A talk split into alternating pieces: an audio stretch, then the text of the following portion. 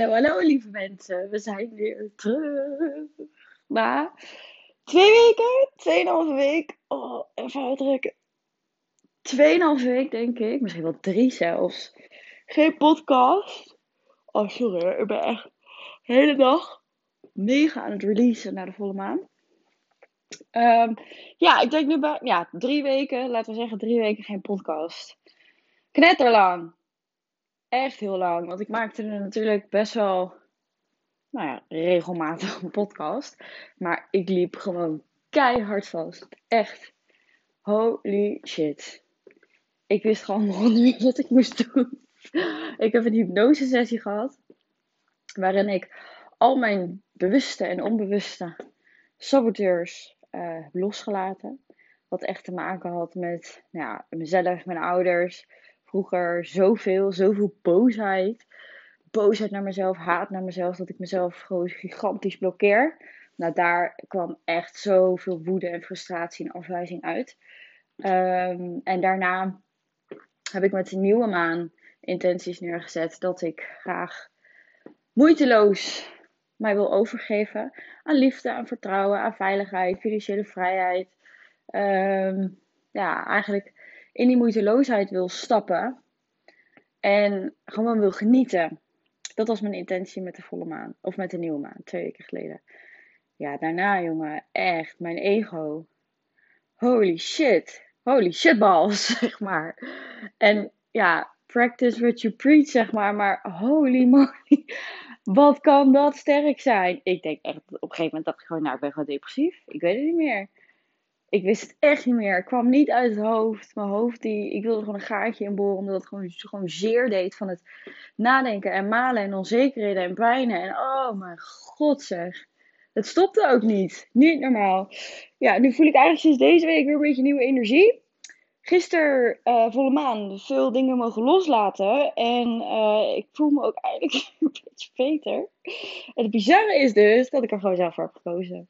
Dat is het mooie van het hele verhaal ik heb er lekker zelf voor gekozen eigenlijk om gewoon drie weken helemaal in de shit te blijven zitten. Dat was mijn keuze. Blijkbaar heb ik er wat uitgehaald. Wat het dan nog is, weet ik niet precies. Uh, is nog een proces, gaan we nog achterkomen. Maar dat brengt mij wel ook op het onderwerp van vandaag. En dat is echt met die bescherming. Jezelf beschermen. Stop met jezelf beschermen. Dat is een thema die bij mij nu heel duidelijk aan het licht is gekomen. Ik ben zelf echt een mega control freak. Echt gigantisch. En je kent het vast wel heel veel mensen die misschien zeggen: ik ben control freak. Nou, je hebt er een paar die uh, zijn weer het extreem van het extreme. Uh, ik schat mezelf in dat ik daarbij hoor. En van extreem control freak naar volledige overgave. Ja, pure crash. Pure paniek. Echt. Blinde paniek. Mijn hele systeem. Gewoon eraf, zeg maar. Maar ja. Um, waar ik dus eigenlijk achter ben gekomen en ik denk, als ik het heb, dan hebben veel meer mensen het. En hebben er veel meer mensen hebben daar wat aan. Is dat ik mezelf eigenlijk gewoon bescherm voor pijn. Ik bescherm mezelf voor pijn. Beschermingsmechanismen, die zullen heel veel mensen hebben. Dat is eigenlijk ook die sabotage, hè? Um, omdat je bang bent voor pijn, dat je bang bent voor, om afgewezen te worden. En dan niet zozeer voor de afwijzing, maar voor de pijn die dat geeft. Um, dat je bang bent dat je niet goed genoeg bent. Of dat bepaalde overtuigingen over jezelf wordt bevestigd. En dat, dat doet, kan gewoon gigantisch veel zeer doen. Dat kan echt een, echt een hartpijn zijn of zielepijn, hoe je het ook wil noemen. Waardoor we onszelf gaan beschermen. Een soort beetje embrace for impact, eigenlijk. Dus als ik, als ik dan even persoonlijk even kijk naar mijn relatie, um, dan wat doe ik dan? Ik, ben, ik kan heel erg controlerig zijn over of mijn partner mij wel echt wel leuk vindt. En dan vooral heel erg in de, in, de fysieke aantrekkingskracht kan ik heel onzeker over worden. Oh ja, kijk er niet naar andere, andere vrouwen. Of uh, helemaal zo controle, controle, controle. Want dan, wij zijn nog niet zo lang samen. Um, dus stel het zou dan nu misgaan. Dan kan ik namelijk zeggen, ah zie je wel, ja dacht al, voelde al maanden niet goed. Terwijl, letterlijk, het, het is een vet goede relatie en ik ben er super blij mee. Alleen ik vind het gewoon doodeng. Maar dan ben ik soort van embrace for impact. oké, stel dat er dus nu inderdaad iets misgaat. Stel dat er ineens iemand anders in het spel komt. Ja, dan, dan wist ik het al. En dan, dan denk je dat het minder pijn doet. Omdat je ergens een soort van muurtje tussenin hebt gezet. Ja, nou ja, dat, dat wist Ja, het is eigenlijk het enige wat ik zeg. Ja, dat zie je wel. Wist ik al. Of, uh, oh, ik weet nog dat ik dit ooit in mijn schoolboeken had. Een uh, voorbeeld. Ik heb toch pas psychologie gestudeerd en ik snap nu pas het voorbeeld. Maar uh, stel je hebt faalangst en je hebt een hele belangrijke toets. Dan kan je bijvoorbeeld, wat kan je doen? Ja, je kan of je hebt faalangst dat mensen kaart gaan leren. Of je hebt juist dat mensen helemaal niks gaan doen. Of juist de avond daarvoor zich helemaal laten meenemen in een feestje. En dan halen ze de toets niet. En is het, ja, zie je wel. Dan kan je het nog een beetje afschuiven op. Ja, maar het komt daardoor, komt door het feestje. Ja, komt omdat hij. Uh, ik had het idee had dat, dat hij niet zuiver was. Of had ik, omdat ik al het idee had uh, dat dit en dit het geval was. Of uh, sollicitatie, dat je bang bent om afgewezen te worden. Dat je eigenlijk juist door die angst ga je jezelf beschermen, waardoor je juist sollicitatie verpest. Dat je er juist vanuit die bescherming en vanuit die overleving daarin zit. En niet vanuit de echte jij. En dan word je afgewezen. Dus zie je wel. Hoppa, gaan we lekker door met het patroon. Juist door die bescherming. Het is een soort krampachtig harnas wat je om je heen zet. Een soort angstig, krampachtig harnas. Waarmee je jezelf wil beschermen voor pijn. Terwijl juist door dat harnas creëer je die pijn. Dat is de illusie. En dat is altijd die illusie van dat ego. Ik weet niet of jullie mijn podcast vaker, voor degene die mijn podcast vaak hebben gehoord, heb ik ook verteld dat ik nu een maand geleden een investering heb gedaan van 2000 euro zonder dat ik 2000 euro had. En ik was de hele maar bang dat het niet lukte, niet lukte, niet lukte. Oh, angst, angst, angst. Terwijl dat was de illusie juist dat ik bang was dat het wel zou lukken. Omdat als het wel lukt, dan ben ik namelijk gigantisch krachtig. En dat vindt mijn ego eng. Dus dan krijg je een illusie dat je bang bent voor als het niet lukt. Terwijl het juist andersom is. Dus ook met dat harnas is, je bent bang voor die pijn, terwijl je creëert het zelf. je, dat, dat, dat herken je vast wel. Je kan net zo lang doorgaan met het saboteren van je relatie, totdat je partner inderdaad naar iemand anders toe gaat. Omdat je het gewoon aan het verneuken bent, letterlijk. Je kan net zo lang, uh, en dan gaat het over, nu gaat het over een liefdesrelatie, maar ook een vriendinnenrelatie of een relatie met je ouders. Je kan gewoon net zo lang het gaan verpesten en saboteren. Dat je eigenlijk gewoon super bang bent die persoon kwijt te raken of om pijn te hebben of om niet goed genoeg te zijn. Waardoor je uiteindelijk de, situatie gewoon letterlijk zelf creëert. Omdat je gedrag gewoon heel naar kan worden dan. Ik hoop dat je hem snapt. Een dit, is een beetje een mindfuck. het, is, het is. Ja. Jij creëert letterlijk je eigen film stel, uh, je, bent bij, je, je, gaat een, uh, een uh, je hebt een training of zo. Je moet, je moet een groep binnenlopen. Dat vind je spannend. En stel, je bent bang dat mensen arrogant gaan doen. Dan kan je van tevoren zo heel bang voor zijn. Oké, wat als mensen arrogant gaan doen? Wat als mensen naar tegen me doen? Want weet ik veel, je bent te laat. En wat als mensen daar wat van vinden? Met die angst loop jij binnen. Binnen die zaal. Echt je kan er donder op zeggen dat juist door jouw angst ga jij waarschijnlijk veel arroganter en, en naarder doen. Op het moment dat je die groep binnenloopt, waardoor je dus de reactie terugkrijgt. Waardoor je dus eigenlijk denkt, oh zie je wel, ik was er al bang voor. Ze zitten me af te wijzen of ze vinden het irritant dat ik te laat ben. Maar mensen spiegelen wat jij doet. En het is misschien een heel vaag voorbeeld, maar mensen kunnen alleen maar irritant vinden als je te laat bent als jij, als jij dat zelf irritant vindt. En anders zou het je niet raken, hè? dan is het gewoon aan de ander. Dat maakt het verder ook dan is het gewoon niet jouw probleem. Maar snap je, het is echt ook met de energie die jij neerzet. En als ik dan in zo'n groep binnenkom, ik vind het helemaal gestrest, irritant, ik te laat ben, ik moet ook nog vet grootjes binnen, want ik vind het al zo irritant en ik heb er al gezien dat iedereen me afwijst en aankijkt. Wat denk je wat voor reactie ik krijg uit die groep? Precies waar ik bang voor ben. En dat doe ik helemaal zelf. als ik binnen zou en zeg: Oh jongens, sorry, een beetje gouden ochtend. Ja, kan gebeuren, hè? Iemand kopje koffie? Niks aan de hand. Hetzelfde in een relatie. En het is. Relatie is nu voor mij even het thema. Heb ik trouwens niet verteld tegen hem dat ik het hier in de podcast over ging hebben. Dus sorry schat.